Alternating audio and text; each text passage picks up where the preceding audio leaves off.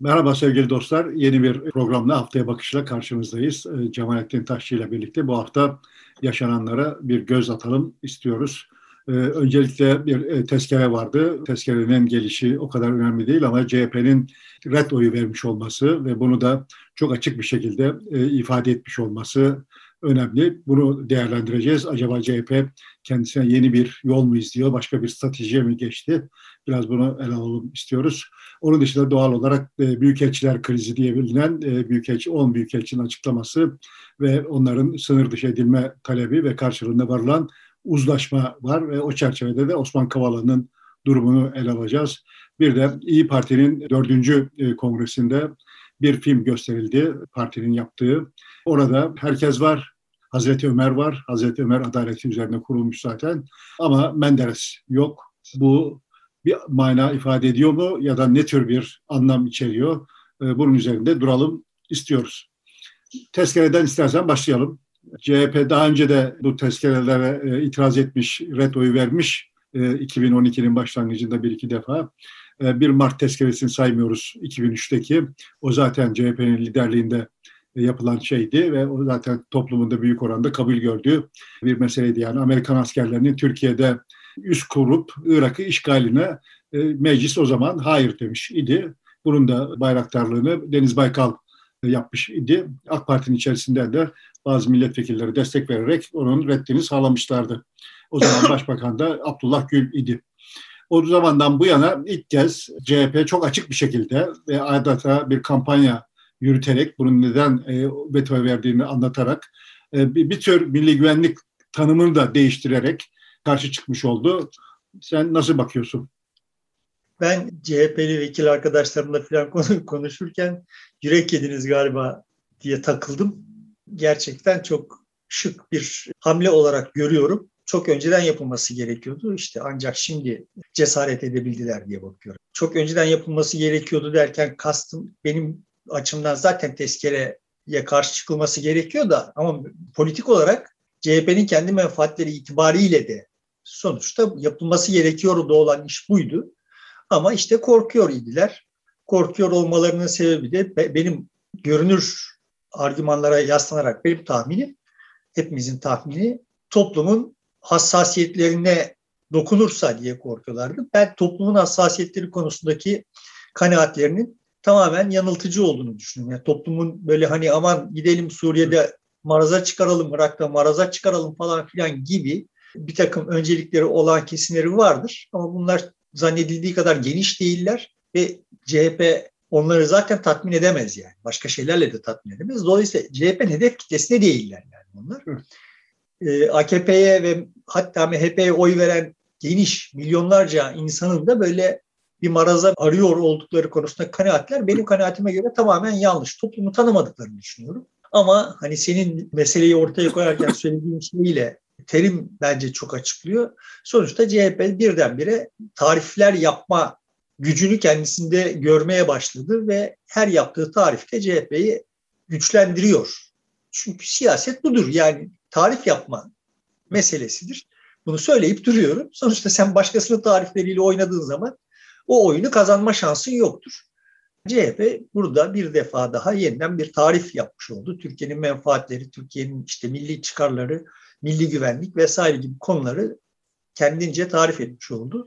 Galiba ilk tarifi şeyde başladı. Çok da kısa bir zaman önce. HDP meşru bir güçtür. Biz onunla Kürt meselesini mecliste çözeceğiz diyerek e, son dönemin en e, belirgin tarifi buydu. Yani bununla ben HDP ile yan yana durmaktan çekinmiyorum. Siz kriminal olarak gösteriyorsunuz, bir suçluymuş gibi bunu yapanın suçlanacağını ilan ediyorsunuz ama ben öyle görmüyorum. Hayır bu demokratik bir tutumdur. Tam tersi Türkiye'nin kurtuluşu e, bu yönden geçiyor dedi. Evet.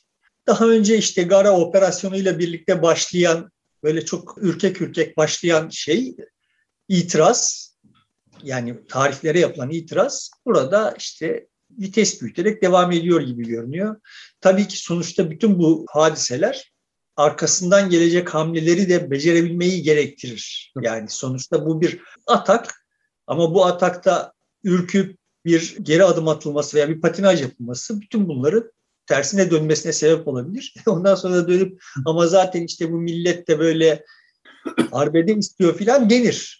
Suç yine millete atılır. Ama şimdi göründü ki bu geçtiğimiz hafta içinde göründü ki yani CHP'nin kendi ulusalcı tabanı da dahil hiç kimse de ya ne oluyoruz bir dakika tezkereye niye evet demiyoruz gibi bir itiraz ortaya çıkmadı. AKP MHP bloğu da burada taca çıktı. Yani evet. bunu istismar edebilecek bir enerjiye sahip olmadıkları da göründü. Değil mi yani şimdi ana hatlar itibariyle baktığımız zaman CHP bir şey yaptı. Momentumu zaten momentum bir süredir elindeydi. Momentumu iyice eline geçirdi evet. ve toplumda da bu, hani bu işi bugüne kadar yapmamış olmaya gerekçe olarak gösteriliyor ol, e, türden bir itiraz, bir yazıklanma, bir e, işte CHP'ye yönelik hayal kırıklığı vesaire filan falan da ortaya çıkmadı. Aksine, Olmadı. İçeriden hiç hiç çatlak ses gelmedi diyebiliriz. E, tam tersi bu sefer şöyle bir şey daha oldu. Cumhurbaşkanı Erdoğan grup toplantısında üst perdeden CHP'yi eleştirdi ama e, Kılıçdaroğlu'nun daha önceki videolarını ortaya koydu. Dört buçuk dakika süren. Bu e, tam tersi şekilde anlaşıldı. Siz CHP'nin Kılıçdaroğlu'nun kampanyasını yapıyorsunuz. Çok da kabul görmedi, eleştirildi yani toplum nazarında. Özellikle AK Parti çevre, kimi çevreleri tarafından AK Parti'nin. Yani bu işler işte böyle demeye çalıştım. Sen hücum ediyor isen karşı tarafı defansa zorlarsın. Karşı taraf defans yapmaya başladığı zaman da çok sayıda yani kendi sahasında oynamaya başladığı zaman da artık ondan sonra çok sayıda hata yapar. Şimdiye kadar AKP'nin çok Erdoğan'ın çok siyasi bir deha olduğu vesaire falan falan geyiklerini 20 yıldır dinliyoruz. yani hep rakip sahada oynadı ve rakipleri onun hep kendi sahalarında oynamasına izin verdiler. Sonra da buradan bir siyasi deha hikayesi çıkartıldı. Ama şimdi görünüyor ki öyle bir siyasi deha falan yokmuş. Yani ilk sıkıntılı durumda kendi ayağını kurşunlayacak işleri yapacak bir adammış. Ve mütemadiyen de böyle yapıyor. Artık zaten ona bir hasım gerekmiyor yani. kendi kendisini hissedebilecek maksimum zararı biliyor. ne oluyor ama işte hani sağında solunda hala böyle bütün bunlara da bir mana yakıştırıyor olan bir takım insanlar var. Onlar aracılığıyla yaptığı hataları görmezden de geliyordur. Bilmiyorum yani. Sarayın içinde hadiseler nasıl gerçekleşiyor bilmiyorum ama gördüğüm kadarıyla kamuoyunda beni, beni ilgilendiriyor olan siyasi elitlerin kendi arasındaki oyun değil. Ayrı.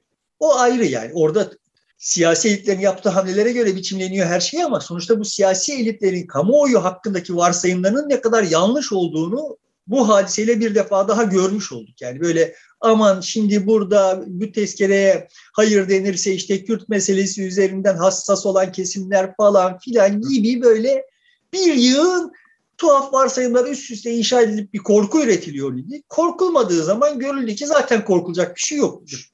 Yani korkanlar korkularını kendileri üretiyorlarmış. Realitede, gerçekte, toplumda o korkulan şeyler yokmuşu biz bu hafta bu vesileyle görmüş olduk bence.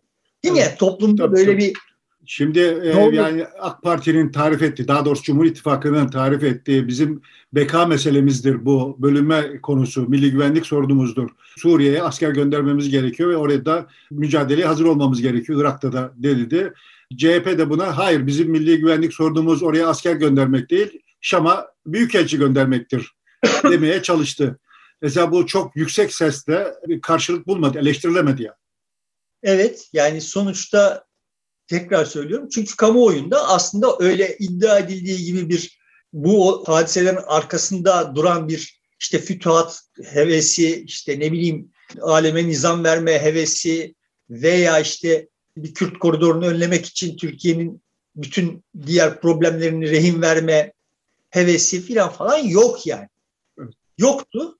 Olmadığını biz sokakta insanlarla sohbet ederken görüyor idik yani. Ama böyle muhayyel bir toplum, şu şu şu tür davranan bir muhayyel toplum hikayesi yaratıp bu hikaye üzerinden politika üretiliyordu ve o politikalar muhalefeti zor duruma düşürüyordu. Şimdi her nasıl olduysa bu politikalardan vazgeçildi ve beni ilgilendiriyor olan tarafı asıl toplumda bütün bunlar yok kardeşim. Yani bunların olduğu bir takım kesimler vardır. Bunlar son derece dar ve çok da müessir değiller yani. Dolayısıyla evet muhalefet muhalefet yapmaya başladı. Giderek de ağırlaştırıyor bu hamleleri. Biz de bir siyasete benzer bir şey görüyoruz.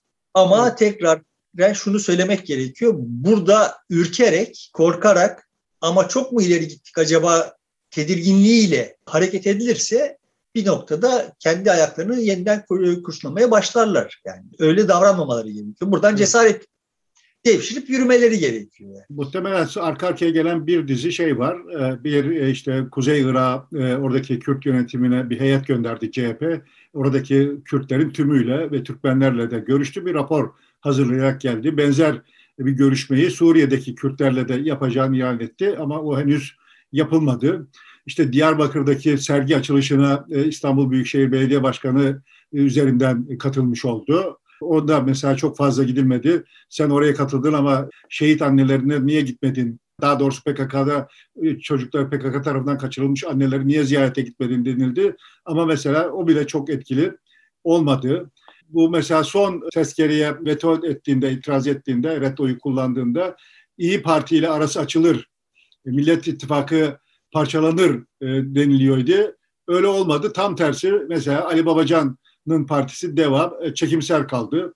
Hatta İyi Parti'den bazı isimler Durmuş Yalçın mesela e, red oyu verdiğini ifade etti. Yakınlaştırdı hatta İyi Parti ile CHP'yi bu davranış.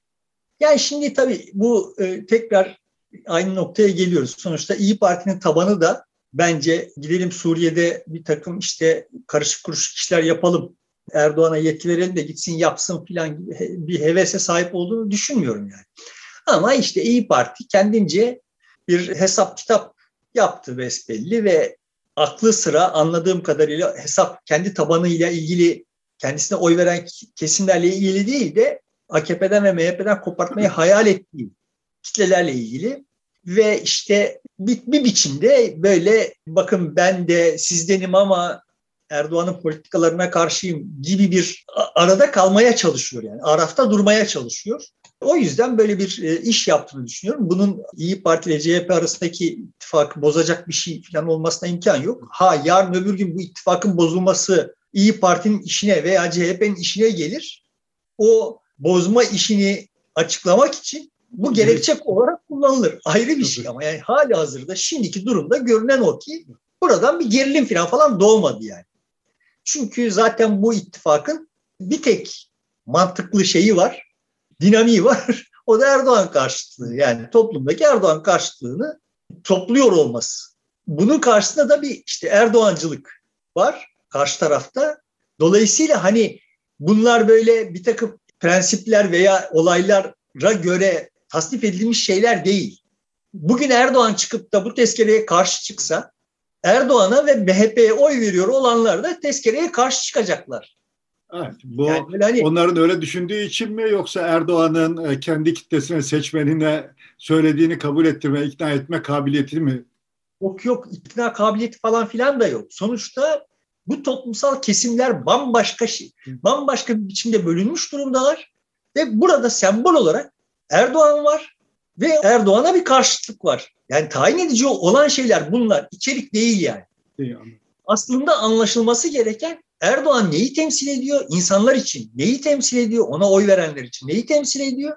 Ona karşı olanlar için neyi temsil ediyor? Üzerinden analiz yapılması gerekiyor. Yani demeye çalışıyorum ki İyi Parti'nin böyle Aa, ama tamam bak Erdoğan'ın taraftarları bu tezkereyi onaylıyorlar. Dolayısıyla ben de şimdi tezkereye destek vereyim de Erdoğan taraftarlarından kendi çantama bir şeyler devşireyim falan gibi hesaplar yapması teorik olarak yanlış. Benim kanaatime göre. Ama işte böyle zamanla da o eriyor olan Erdoğancı kitleyi transfer etmek için de bir kendince bir akıl yürütüyor. Benim iddiam yani ben yani yıllardır söyleyip duruyorum. Sonuçta Erdoğan Kürt barışı vaat ettiğinde onunla beraber gidenler Kürt savaşı yaptığında da onunla beraber gittiler. Burada mesele Erdoğan yani. Kitlesi Erdoğan'la beraber döndü ve bunun benzeri karşı tarafta da görünüyor. Yani Erdoğan karşıtları da Erdoğan döndükçe döndüler yani. Öyle ortada bir takım temel konular hakkında tarafların farklı vizyonları var da farklı teoriler üretilmiş. Zaten öyle teoriler de yok yani. Şimdi ekonomiden müştekiyiz hepimiz.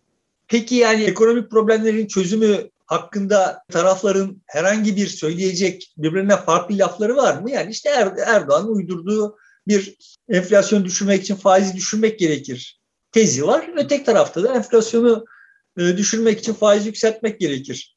Ya da enflasyonu düşürmek için değilse de paranın değerini korumak için faiz yükseltmek gerekir. Tezi var. Bunlar çok genel geçer laflar ama bunlar bile yarın yer değiştirse o kitleler o açıklamaları da satın alacaklar. Çünkü iddia ediyorum ki bu kitleler zaten birbirleriyle mücadele ediyorlar yani. Esas sorun yani esas sorun demeyeyim. Esas maç orada dönüyor. Erdoğan bir takımın kaptanı, sembolü ya da Erdoğan karşıtlığı da diğer takımın motivasyonu.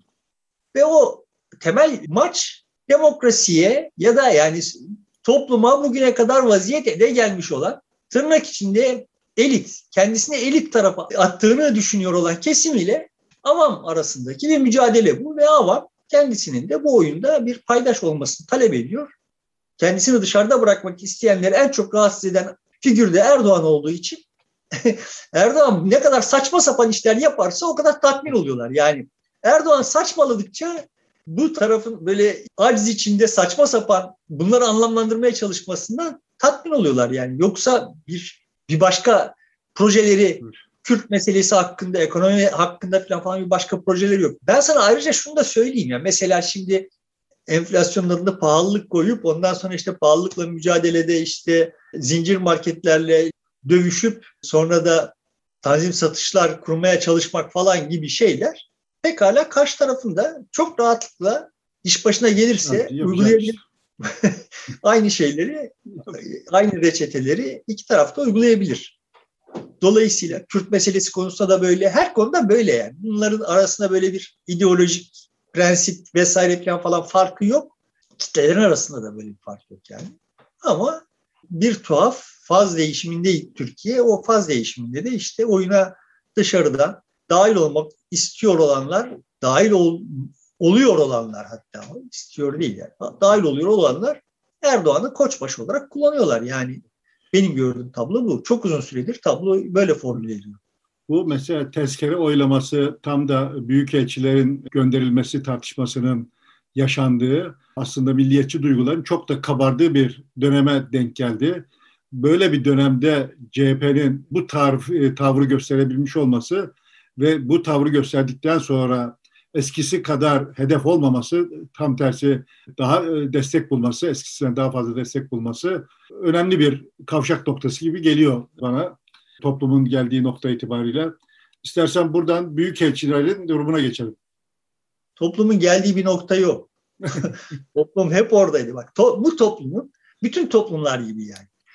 Ana problematiklerinden bir tanesi kendisine saygı duymayı sürdürebilmesidir. Kendisine saygı duymayı sürdürebilmesinin ötesinde talebi başkalarının da ona saygı duymasıdır. Saygı ihtiyacı insanın çok öncelikli ihtiyaçlarından birisidir. Toplum bir toplumun bir parçası ise senin mensubu olduğun toplumun da saygı duymasını istersin. Yani Beşiktaşlıysa Beşiktaşlı olmanın saygı değer bir şey olmasını, işte bunun işte Beşiktaş'ın kazanmasını, eğer kazanamıyorsa ne bileyim yani bambaşka bir sebeple sahada maç kazanamıyorsa mesela daha centilmen olmakla. Eğer o da olmuyorsa işte daha renkli olmakla bir, bir şekilde saygı duymasını talep edersin yani hangi gruba mensup isen o, o grubun bir saygı değerliğini talep edersin. Ve fakat aynı zamanda da pratik hayatta kalma güdülerin de var yani. Sonuçta şimdi bu toplum evet saygı duymak istiyor. Vizesiz dünyanın her yerine gidebilecek bir ülkenin mensubu olmak istiyor. Ama aynı zamanda da asıl yöneldiği yer de batı. Yani batı bu toplumu için kendi iktidarını, kendi gücünü devralan, yani kendisini dünyanın sahibi gibi görmüş bir dönem olan toplum şimdi o sahipliği kaybetmiş, kime kaybetmiş? Batı'ya kaybetmiş. Batı'yla böyle ikircikli bir ilişkisi var yani. Bir yandan hayranlık duyuyor, bir yandan kıskançlık duyuyor, nefret ediyor. Ama bu pratikte neye tek tekabül ediyor? Batı ile öyle itişip kakışmaya falan gelmez yani. Bu toplum Batı ile itişip kakışma içine sindiremez. Dolayısıyla şimdi batılı bir takım büyükelçiler Türkiye'ye haddini bildirecek türden bir şeyler yaptığı zaman bunun evet içine sinmez ama bunun böyle atara atar gidere gider filan ele alınmasını da de sindiremez. Korkar yani. Dolayısıyla öyle buradan da zannedildiği gibi toplumda aman ne iyi oldu bak büyükelçiler bize böyle haddini şaşırdılar. Biz de onlara haddini bildirdik falan falan gibi okunmadı yani. Anında herkes sütre gerisine çekilip lan buradan bir şerefli geri çekilme bulunabilecek mi acaba diye ürktü, korktu. Toplumdaki genel tablo o günlerdeki genel tablo korkuydu yani. Başımız derde girecek mi şimdi buradan? Yani bir yandan başımız derde girmesin diye diz çökmek de işimize gelmiyor ama yani hani diz çökmüş görünmeden diz çöksek filan falan bir yolunu bulursak sonuçta birileri dahice bir formül buldular yani bu Viyana Konvansiyonu'nun işte 41. maddesi diye. Yani işte Amerika Birleşik Devletleri'nin büyükelçisi bir metin yayınladı. Onun İngilizcesiyle Türkçesi arasında ifadede bir takım farklılıklar var ve bu çok vurgulandı ama şey çok vurgulandı mı bilmiyorum. Yani o 41. maddenin aslında üç tane alt maddesi var yani. O üç alt maddeden bir tanesi diyor ki büyükelçiler bulundukları ülkelerin yani misyonlar, yabancı misyonlar bulundukları ülkelerin iç işlerine karışamazlar. Birincisi bu, bunu diyor mealen. Ama ikincisi şunu diyor yani bu misyonların muhatabı Dışişleri Bakanlıklarıdır. İlgili ülkenin Dışişleri Bakanlıklarıdır veya Dışişleri Bakanlığı yoksa görevlendirilen bu işte görevlendirilen bakanlıktır. Yani demiş oldu ki Amerikalılar ve onu retweet eden diğer şeyler hani bize sorulup duruluyor ne olacak şimdi büyükelçilerinizin hali diye. Buna cevaben diyoruz ki bizim bu konudaki dayanağımız Viyana Konvansiyonu 41. maddesidir. Yani ne demiş oluyor? Bizim muhatabımız Erdoğan değil kardeşim. Dışişleri Bakanlığı. Dışişleri Bakanlığı bize gidin derse gideriz. Aslında senin tarafın işin birinci alt maddesini ön plana çıkarıyor. Onlar ikinci alt maddeyi ön plana çıkarıyor. Yani bizim muhatabımız Erdoğan değil. Erdoğan orada esiyor, gürlüyor. Ama bizi ilgilendirmiyor yani. Bize ne?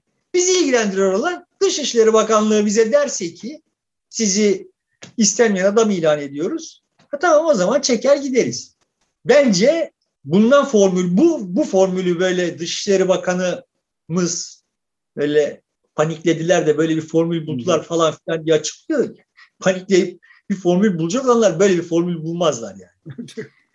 Yani eğer bunu o 10 büyük elçi bulacak olsa bulacağı formül bu olmaz. Bu formül besbelli Ankara'da Türk tarafı tarafından icat edilmiş müthiş bir şey.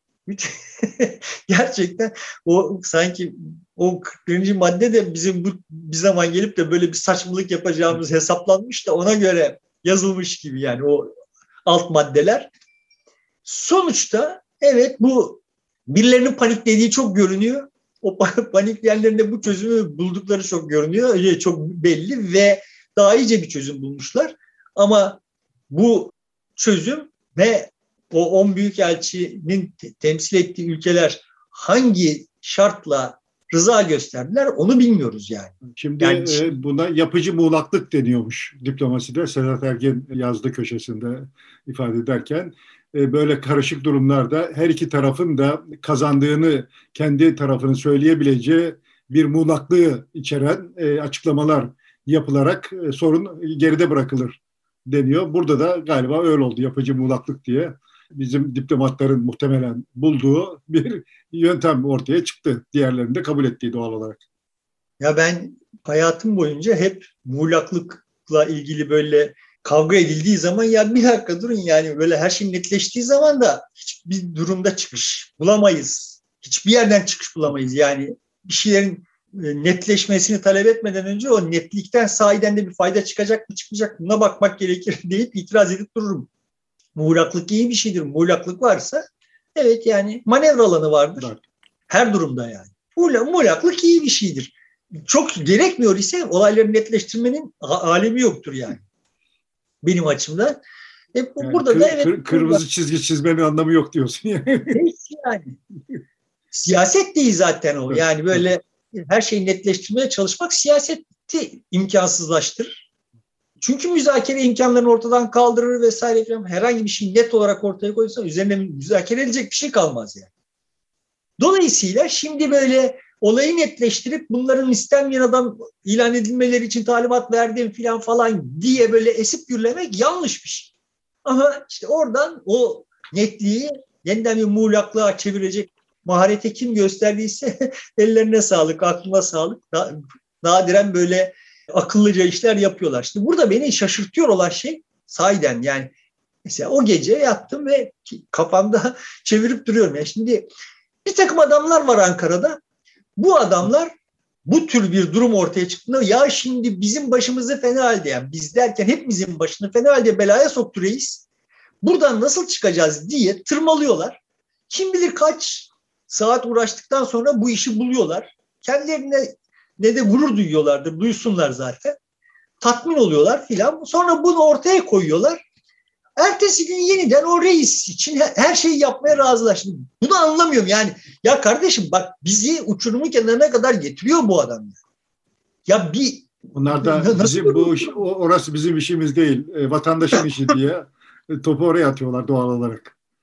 Vatandaş karar versin diyor. Biz biz diplomatız ya da biz e, uzmanız diye bakıyorlar. Ya ben olsam bilmiyorum yani böyle memleketi getirip getirip uçurumun kenarına getiren bir adam için uzmanlığımı kullanmam, kullandırmam yani. Yani böyle bir şey olur mu ya? Bu, bu cinnet hali ya. Şimdi e, Osman Kavala'nın durumuna geçelim istersen. Sonuçta büyükelçiler e, dördüncü yılı dolduğu için tutukluluk halinin o yüzden bu açıklamayı yapmışlardı. Tam o güne denk getirerek biz bu kararımızdan hani serbest bırakılması talebimizden vazgeçtik demediler zaten. Kimi e, açıklamalarında büyükelçiler değil ama ülkelerin e, dışlarındaki sözcüleri ya da oradaki yetkililerin yaptığı açıklamalarda biz e, bunun arkasında durmaya devam ediyoruz diye söylediler. Erdoğan da bir açıklama yaptı Osman Kavala ile ilgili olarak Avrupa Konseyi'nin 30 Kasım'da bir toplantısı var Bakanlar Kurulu'nun. Orada bir karar alacaklar. Bu 8. karar olacak. Onunla ilgili gelişmeyi de birazdan anlatırım ama Erdoğan diyor ki biz bildiğimizi okuruz. Konsey bildiğini mi okur, okusun. Onlar ne okuyor dinleriz, görürüz. Ahim'inkini de, konseyinkini de dinleriz. Dinledikten sonra da biz üzerimize düşeni yaparız. Gereği neyse bunu yapacağız. Galiba bu da yapıcı muğlaklığa giren bir açıklama. Evet. Şimdi yani hem işte başında biz eseriz, gürleriz, kendi bildiğimizi okuruz filan falan ama ondan sonra da işte bir bakalım bakalım karşıdan atılacak adımlara göre biz de adım atarız falanla evet muğlaklaştırmaya e, çalışıyor hikayeyi gibi görünüyor. Benim şahsi tahminim evet bu batılı ülkeler o tweetleri atmayı ve tweet etmeyi Kavala'nın akıbeti hakkındaki iddialarından vazgeçmeden yapmışlardır diye düşünüyorum. Yani ben benim kendi varsayımım böyle. Zaten ülkeleri vazgeçmediklerini açıkladılar, ifade ettiler. Dolayısıyla Türkiye Kavala'yı serbest bırakacaktır. Birkaç haftaya, birkaç ay, bir iki aya en geç serbest bırakacaktır diye düşünüyorum. Bunun arkası var mı onu bilmiyoruz. Ve işte hani sonuçta senin de geçen gün işaret ettiğin gibi benim temas ettiklerim de aynı şeyi işaret ettiler. Benim akıl yürütmemin çok dolamaçlı olduğunu aslında Bahçeli'nin bu Kavala serbest kalsın sonra da gitsin bu ülkelerden bir tanesinin vatandaş olsun, vatandaşlıktan çıkaralım falan gibi kükremesinin zaten yeterince delil olduğunu, Kavala'nın serbest bırakılacağına delil olduğunu söylediler. E, öyle bakılabilir. Ama yani bir partinin genel başkanı böyle işte e, suçu kesinleşmemiş bir Türkiye Cumhuriyeti vatandaşı hakkında işte onu vatandaşlıktan çıkaralım falan filan gibi böyle ahkamlar kesiyor olması falan bunların hepsi suç. Ama yani işte asıl bizim konu üzerine konuşmamız gerekiyor olan şeyler bunlar. Yani bu tür keyfilikler son derece sıradanlaştı. Yani işte hani şu, bu olayın başından itibaren görüp duruyoruz yani. Sorosçu diyor yani. E tamam hani diyelim ki Sorosçu. Yani Türkiye Cumhuriyeti kanunlarına göre Sorosçuluk diye bir suç mu var? Yani yoksa bunu söyleyip durmakta kastımız ne? Yani ilaveten buradan sonuçta şu anlam çıkıyor. Yani biz aslında suç olarak kaydedilmemiş olan bir şeyi memleketin menfaatinin aleyhine olduğunu bildiğimiz durumda kanunları filan bypass edip istediğimizi yapabiliriz, yapmalıyız. Zaten de siz de bunun için bizim peş arkamızda durmalısınız gibi bir takım iddialar var. Yani iddiaları ima ediyor, ihtiva ediyor bu tutum ve biz bu tutumlarla uğraşmamız gerekirken nelerle uğraşıyoruz? Yani şimdi hani buradan CHP'ye kopya vermiş olayım böyle. Bak asıl sıkıntımız burada kardeşim. Yani bizim böyle birilerinin kafasına göre suç icat ediyor olması. Hani bunu şimdi söylemiyorum. Yıllardır da yıllarca da yazdım, çizdim artık bıktım da bu örneklerin peşine koşmaktan. Ya böyle kafanıza göre Süleyman çıkıyor oradan bir takım suçlar icat ediyor. Yani işte bir sergiden bir takım suçlar icat ediyor. o sergi de tam iki ateş arasına kaldı anladığım kadarıyla. Çünkü PKK'da çok şiddetli bir taarruzda bulunmuş sergiye. Evet, evet. Dolayısıyla şimdi böyle herkes kafasına göre. Yani şimdi bunu PKK yaptığı zaman anlayabiliyorsun. Devlet değil yani o zaten kafasına göre suçlar icat etmek üzere kurulmuş olan bir teşkilat. Sen şimdi devleti PKK'ya eşitliyorsun ya böyle kafana göre suç icat edemezsin yani. Ortada suç olan şey tarifli. E ha bu kesmiyordur, yetmiyordur. Yasama bunun için var. Bak bir de şunu suç olarak tarif etmek falan gibi yetkim var yani. Güç, gücüm var. Ama böyle kafasına göre o Sorosçuymuş da efendim salı verelim de gitsin de sınır dışı şey e, vatandaştan çıkalım. Kimsin sen ya? Kimsin sen? Hangi yetkiyle bunları yapıyorsun yani? Arkandaki 3-5 bin tane zibidi yastamıkla yapacaksın. E o zaman biz de 3-5 bin kişi toplaşalım. Böyle mi böyle mi çözeceğiz yani? Memleketi böyle mi yürüteceğiz yani? Şimdi ahim ilk kararı 12 Mayıs 2020'de aldı. Derhal serbest bırakılması e, şeklinde bir ihlal var denildi. Ondan sonra Bakanlar Komitesi de bugüne kadar 7 toplantı yaptı.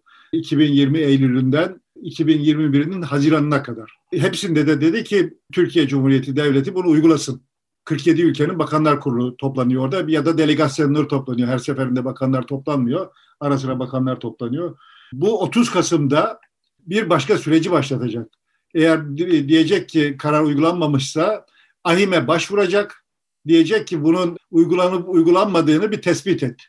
Uygulanmadığı ise Türkiye'yi ihraç sürecini başlatmış oluyor. Askıya alma, e, giderek üyelikten çıkarma süreci. 47 ülke var. 47 ülkenin 32'si oy kullandığında bu süreç başlamış oluyor. Bugüne kadar bu süreç sadece Azerbaycan için uygulanmış 2018'de. Azerbaycan sonradan geri adım atmış, serbest bırakmış 2018'de buna rağmen sürmüş süreç yeniden yargılanmasına ve yok sayılmasına, sici, adli sicilden çıkartılmasına talep etmiş ve e, Anayasa Mahkemesi Azerbaycan bunu kabul ederek çıkarmış ve üyeliğe devam etmiş e, o şekilde. Avrupa Konseyi zaten Bakanlar Kurulu zaten siyasi bir organ. Yargıya karışmıyor. Türk devletinden e, bu yargı kararının uygulanmasını istiyor. Bunu niye göre istiyor? Ahim'i zaten sen bir iç hukukun devamı olarak kabul ettin. Bunlar uyacağını beyan ettin. Şimdi de bunu uygula diyor. Yani mahkemeye müdahalesi yok. Mahkemeyle bir şey demiyor. Bakanlar Kurulu Türkiye devletine bu kararı uygula diyor. Mahkemenin aldığı bu kararı uygula diyor. Zaten mahkemenin aldığı kararları devlet uyguluyor ya. Onu da o talep ediyor. Şimdi burada bir başka kritik nokta şu var. 30'unda toplanıyor Bakanlar Kurulu Avrupa Konseyi'nin ama 26 Kasım'da duruşması var Osman Kavala'nın e, sanık olduğu davada. Şimdi aslında ilk davadan salı verildi. Çavuşoğlu da diyor ki biz ahim kuralını yerine getirdik kararını. Onu salı verdik. Sonra bir başka suçtan tutukladılar yeniden diyor. Biz ne yapalım diyor. Sonra bir daha bir başka suçtan daha iki ayrı davada sanık yaptılar ve ikisini birleştirdiler sonra. Dolayısıyla biz uyguladık bize bir şey yapmaması gerekiyor falan diye bir tartışma başlattı yeni. Aslında tartışma yeni değil. Bizimkiler bunu böyle bilerek yaptılar zaten. Evet burada Avrupa Konseyi'nin e, dayanakların neler olduğunu falan filan bilmiyorum. Burada bizim tartış bizim açımızdan tartışılması gerekir olan husus şu. Yani hepimiz biliyoruz ki aslında Kavala'yı rehin olarak içeride tutmak için bir şehvet var ve şey, Kavala bütün diğer şeylerden de bir biçimde yırtacak olsa işte adı Osman diye bir suç icat edip yine içeride tutacaklar. Yani bunu bunu böyle yapıyor olduklarında zaten kasten gösteriyorlar bize yani. Yani bunu bize gösteriyor olmakla bir te- tetiş yaratıyorlar. Asıl mesele burada yani. Ya bak kardeşim biz istediğimizi içeride tutarız ve gerekçesiz. Yani yoksa hani gerekçe uydurmak için bir, bir çaba harcanır yani. Burada tam da bak bizim bir gerekçe uydurmak gibi çabaya bile ihtiyacımız yok. Rahatlığıyla yapmaları bir tek iş yaratıyor yani. Sıkıntı bu şurada. Yani sıkıntı birçok sıkıntı var bir tanesi şurada. Şimdi beyefendi çıkıyor böyle e, bilmem ne vesilesiyle esas olan tutuksuz yargılanmadır filan gibi laflar ediyor böyle üstten üstten ve ne kadar demokrat ne kadar böyle filan. E, ya, yani ama işte madem esas olan tutuksuz yargılama tutuksuz yargılayın kardeşim adamı. Yani şimdi sıkıntımız burada bizim. Bu özel hususta mesele burada yani. Sen şimdi bir suç isnat ediyorsun. Suç, suç değil filan falan ama zaten bizim sıkıntımız o isnat ettiğin suçun suç olmaması, bunun beraat edecek olmasıyla ilgili falan falan değil ki. Niye tutuklu yargılıyorsunuz? Yani bu ortadaki suç sizin isnat ettiğiniz suç olsa bile tutuklu yargılamayı gerektirecek bir hal yok ortada. Yani şimdi bize bizim gözümüzün önünde bu tiyatroyu sergileyenler bir de çıkıyorlar esas olan tutuksuz yargılanmadır deme lüksünü de alıyorlar filan. Böyle bir biçimsiz, çirkin bir tiyatro oynanıyor yani. Ve bunu kasten sürdürüyorlar. Yani biz hiçbir kayıtla kayıtlı değiliz. Yani sonuçta sandıkta oyu aldıktan sonra artık istiyorsak memleketi satabiliriz kardeşim. Zihniyetine sahip olduklarını, bu zihniyette olduklarını hepimizin zihnine sokabilmek için bunları böyle yapıyorlar. Yani evet, neresinden evet. tutsan elinde, elinde kalan bir durum. bir hal bu yani. Ve bu aslında bizim bunları konuşmamız gerekiyor bence ülke olarak. ya bak kardeşim ya bu zihniyetin Türkiye'de talibi var mı? Yok. Toplum dediğiniz şey ye dayatılıyor olan şey bu ve sizin kafanızdaki varsayımsal toplum sizin kafanıza göre demek ki bunlara talip. Öyle değil işte. Yani gidin bakın bakalım. Ama buna bunlar üzerinden hiç siyaset üretmediniz yani. Üretilmedi. Sıkıntımız burada. Şimdiye kadar da siyaset üretilmeyen alanlarda şimdilerde siyaset üretiliyor ve aa bak ne kadar sonuç alıyormuş toplum değişti deniyor. değişmedi toplum zaten öyleydi. Siz bunu yapmıyordunuz yani. Toplum ilerledi diyoruz, gelişti diyoruz. Geldiği nokta diyoruz toplumun. Şimdi buradan istiyorsan şeye geçelim. İyi Parti'deki bu dördüncü kurultay ve orada gösterilen e, bir video var, film var. Ömer'in Yolu diye. Fena da değil, iyi hazırlanmış aslında. Hazreti Ömer var, ona bir atıf var. Biz onun yolunda, e, adalet yolundan gideceğiz diye işte bugün Cumhuriyet'in e, bir kurucusu Mustafa Kemal'e var. E, bir minnet duygusu var. Demirel'e var. Erbakan'a var. Ecevit'e var. Türkeş'e var. Biz onların izinden gidiyoruz. Onların yaptıklarının işte takipçisiyiz diye. Özal var en son. Bütün ümitler bittiğinde Özal çıktı geldi. Biz onun da yolundayız diyor. Ama arada Menderes yok.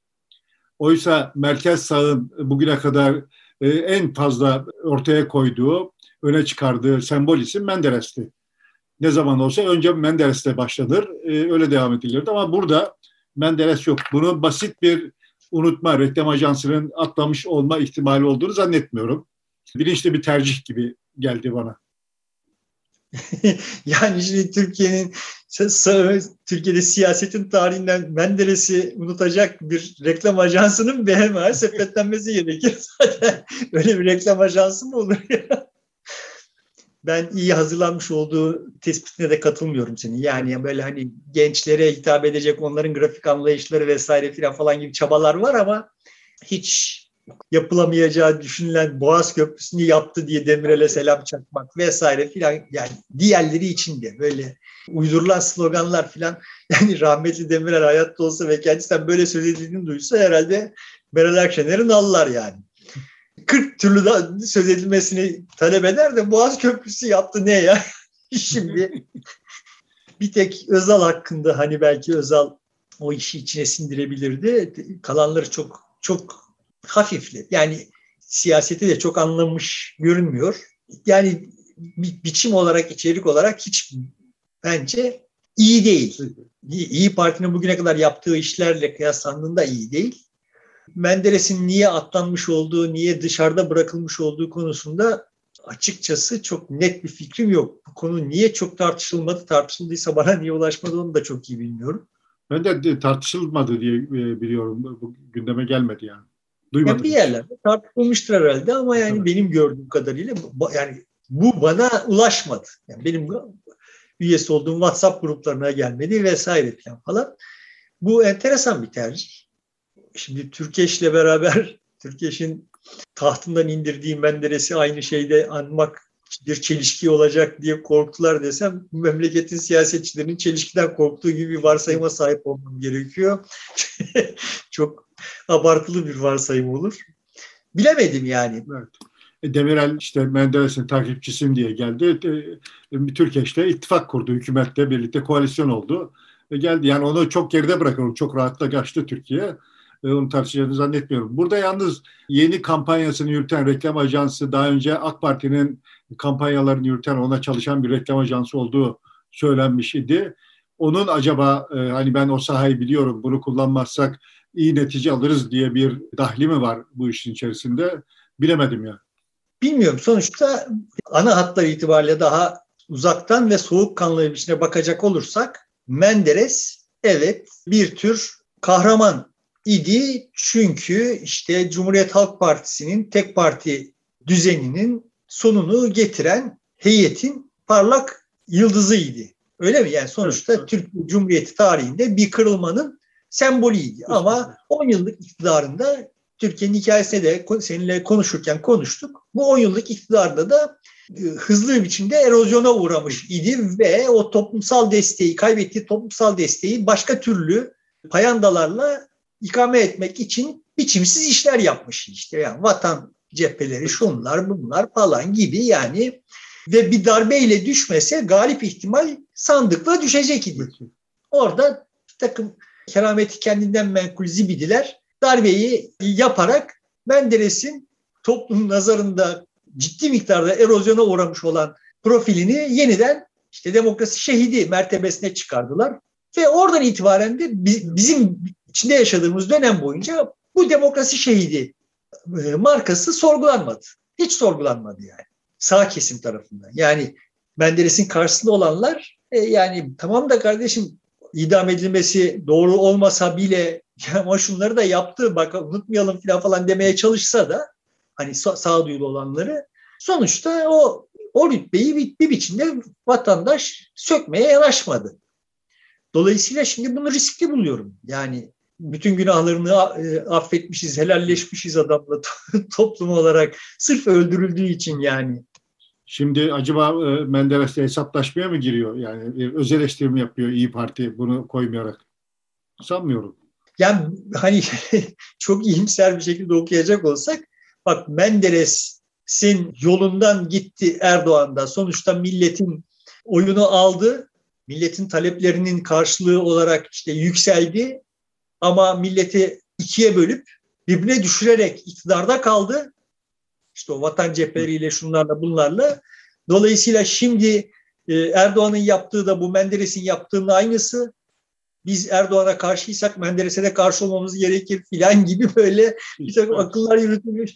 Filansa yani işte bunlar çok sofistike şeyler böyle bir reklam filminde yeri yok yani. Çok uzun süre tartışılması gerekiyor ama hani buradan bir tartışma çıkartmak ise kasıt o da çıkmadı gibi görünüyor dediğim gibi. Hani çıktıysa da bana ulaşmadı yani. Ulaşmadı ama bir gündem yoğundu. Belki böyle bir tartışma çıkabilir önümüzdeki dönemde. Bu konu tartışılır yani.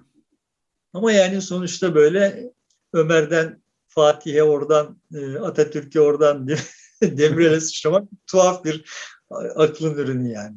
Evet. Özal'da da bitirmiş yani. Her şeye sahip alıyor ama Menderes arada yok. O da böyle bir yaklaşım içerisinde. Ben şimdi İyi Parti'nin yerinde olsaydım ya madem kardeşim bu işi böyle bu duraklardan geçiriyorsunuz bari İnönü'nden de geçirin yani. O da sonuçta memleketi şeye sokmadı. İşte Mustafa Kemal'in silah arkadaşı savaşa sokmadı falan filan yani ve efendice de, demokrasi gereği demokrasi icabı çok, e, çok partili sisteme geçtikten sonra da Çankaya'dan karısının elini tutup paşa paşa gitti yani. Sonuçta hani bir şeylere sahip çıkılacaksa bütün hepsine birden sahip çıkın yani ama bilmiyorum çok çok akıllıca bir şey görünmüyor bana. İyi kotarılmış olduğunu düşünmüyorum yani. Evet. Genel olarak İyi Parti'nin bu anlamda yaptıkları her ne kadar Saadet'in yaptıkları kadar iyi olmasa da iyi oluyor değil Bu seferkini iyi bulmadım. Belki hani İnönü ve Menderes'i çıkartarak bir kutuplaşmanın karşısındayız gibi bir mesaj vermek istemiş de olabilirler mi? Anlamadık. Yani biz anlamadıysak toplum da bizim gibi anlamamıştır. Biraz anlamasınlar üzerinde tartışsınlar da istemiş olabilirler. Her neyse. Bakacağız. Niye toplum, biz anlamadıysak toplum niye anlamamış olsun? Toplum pekala bizden daha akıllı olup anlamış olabilir yani. Öyle de bakabilir ama. Yani senden daha akıllı olabilir. Doğru. Bir etrafa çıkıp sorayım bakalım anlamış. olan- Yani izleyen varsa anlamış mı anlamamış. mı? Peki sevgili dostlar burada bitiriyoruz. Haftaya görüşmek üzere. Çarşamba günü yine modernleşme hikayesini e, ele alacağız. Onu değerlendireceğiz. Görüşmek üzere. Hoşçakalın.